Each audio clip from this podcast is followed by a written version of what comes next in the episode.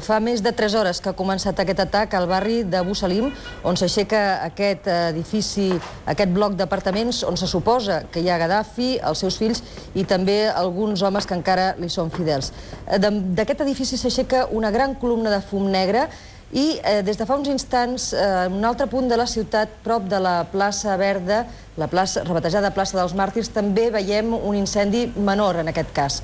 Eh, continuem sense saber eh, si realment eh, Gaddafi és o no és on diuen els rebels, però el que sí és cert és que aquesta ofensiva ha estat molt important, que fins i tot han vingut de Benghazi vuit eh, alts càrrecs militars, vuit comandants, per dirigir aquestes operacions. Eh, fa uns instants ha baixat una mica la intensitat del foc, sembla que hi ha una petita pausa, no sabem si això indica que potser s'estabilitza la situació, en tot cas us seguiríem informant. També us hem de dir que mentre durava aquesta ofensiva eh, s'ha fet públic un nou missatge de Muammar al-Gaddafi, un missatge enregistrat, difós per la televisió de la que és propietari, eh, no se l'ha vist, eh, simplement s'ha mostrat una fotografia fixa, una foto fixa, per tant, eh, no sabem tampoc quina credibilitat podem donar a aquesta nova eh, aparició d'ell, en la línia de les de sempre, eh, fent una crida a la resistència.